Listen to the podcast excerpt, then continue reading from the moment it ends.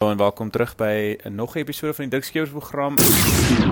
Ek vra om verskoning aan my gereelde luisteraars dat ek bietjie onder die radar was. Ek is hierso in Amerika weer eens waar ek die New York Marathon kom hardloop het. Vra om verskoning vir die audio gehalte. Natuurlik het ek nie my goeie mikrofone by my nie. Ek het hulle in die Republiek van Suid-Afrika gelos, so ek probeer hierheen net deur die oorfone. Ek hoop nie dit is die aakligste audio nie. Kom ons kom aan met die episode. Ek wil ook net weer eens mense herinner dat die Dikskeers program gaan oor sake wat Afrikaners raak. Ek het oorspronklik hierdie ding begin omdat ek wou Afrikaans praat, maar ek wou ook fokus op die klein identifiseerbare minderheid wat gaan wat die naam dra Afrikaners in Suid-Punt vir Afrika maar ook wêreldwyd. En uiteraard goed wat in die groot Suid-Afrikaanse milieu gebeur omdat meeste Afrikaners nog vasgevang word binne die Suid-Afrikaanse bestel. Uiteraard is die groter grootste hoeveelheid Afrikaners nog steeds vasgevang binne die Republiek van Suid-Afrika soos ons hom vandag ken, die moderne republiek met sy kolonialistiese grense. Dit bygesê my kollegas/vriende/besigheidsvennote by politiek doen 'n baie baie goeie werk deur die Suid-Afrikaanse milieu te ontleed en te kyk hoe dit mense daar raak. Maar wat ek mense graag wil herinner aan is die feit dat dit nie noodwendig nodig is vir jou om jou karretjie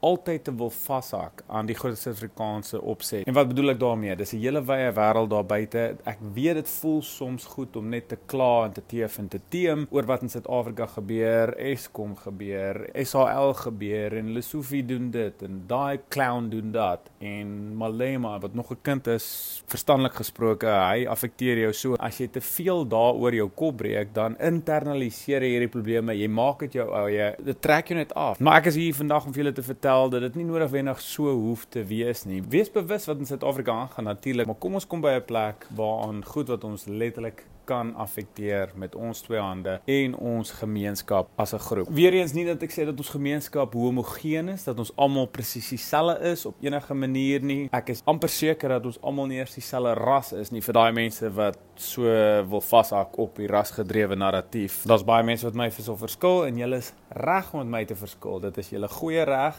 Julle kan uh, op Twitter met my saampraat. Dis waar gewoonlik al my goed doen en daaroor moet jou punt gestaaf word op 'n rasionele, feitelike manier. Met dit gesê is ek nie 'n taalpurist van enige aard nie. Ek wil net graag hê ons moet by 'n plek uitkom waar ons rasionele gesprekke hê wat die hele gesprek vorentoe vat dat ons almal meer leer omdat dit in 'n publieke domein. En eintlik wou ek hierdie kort episode gaan afsluit. Ek wil nie te ver aanhamer veral omdat die audio kwaliteit nie so goed is nie. Wees net bewus dat dit nie altyd nodig is om te internaliseer wat verkeerd is met Suid-Afrika nie. Want Suid-Afrika se grense weer eens kolonialisties. Hoekom internaliseer jy wat gebeur in Lesotho of in Swaziland of in Madagaskar. As jy daai paradigma vir baie is dit 'n paradigma as jy daai kop skuif kan maak. Ek weet jy's op hoërskool ingeneek dan Nkosi Sikelele en ons is almal one team, one dream en al daai tipe van goed, maar ek kan jou waarborg, dit is kunsmatig. Dit is nie hoe die regte lewe daar buite werk. Met dit bygesê is daar ook baie meer geleenthede vandag om jou besigheid, as jy 'n besigheidsman en ons almal moet op 'n tot 'n mate die pot aan die kook hou daar's maniere om deesdae jou besigheid te diversifiseer buite die landsgrense. En ek gaan dit my doel maak vir al in 2020 om baie meer betrokke te word by so 'n organisasie wat hierdie visie van my deel. En dit gaan 'n groot sprong wees. Ek hooplik kan ek die Dirkskeppers program aanhou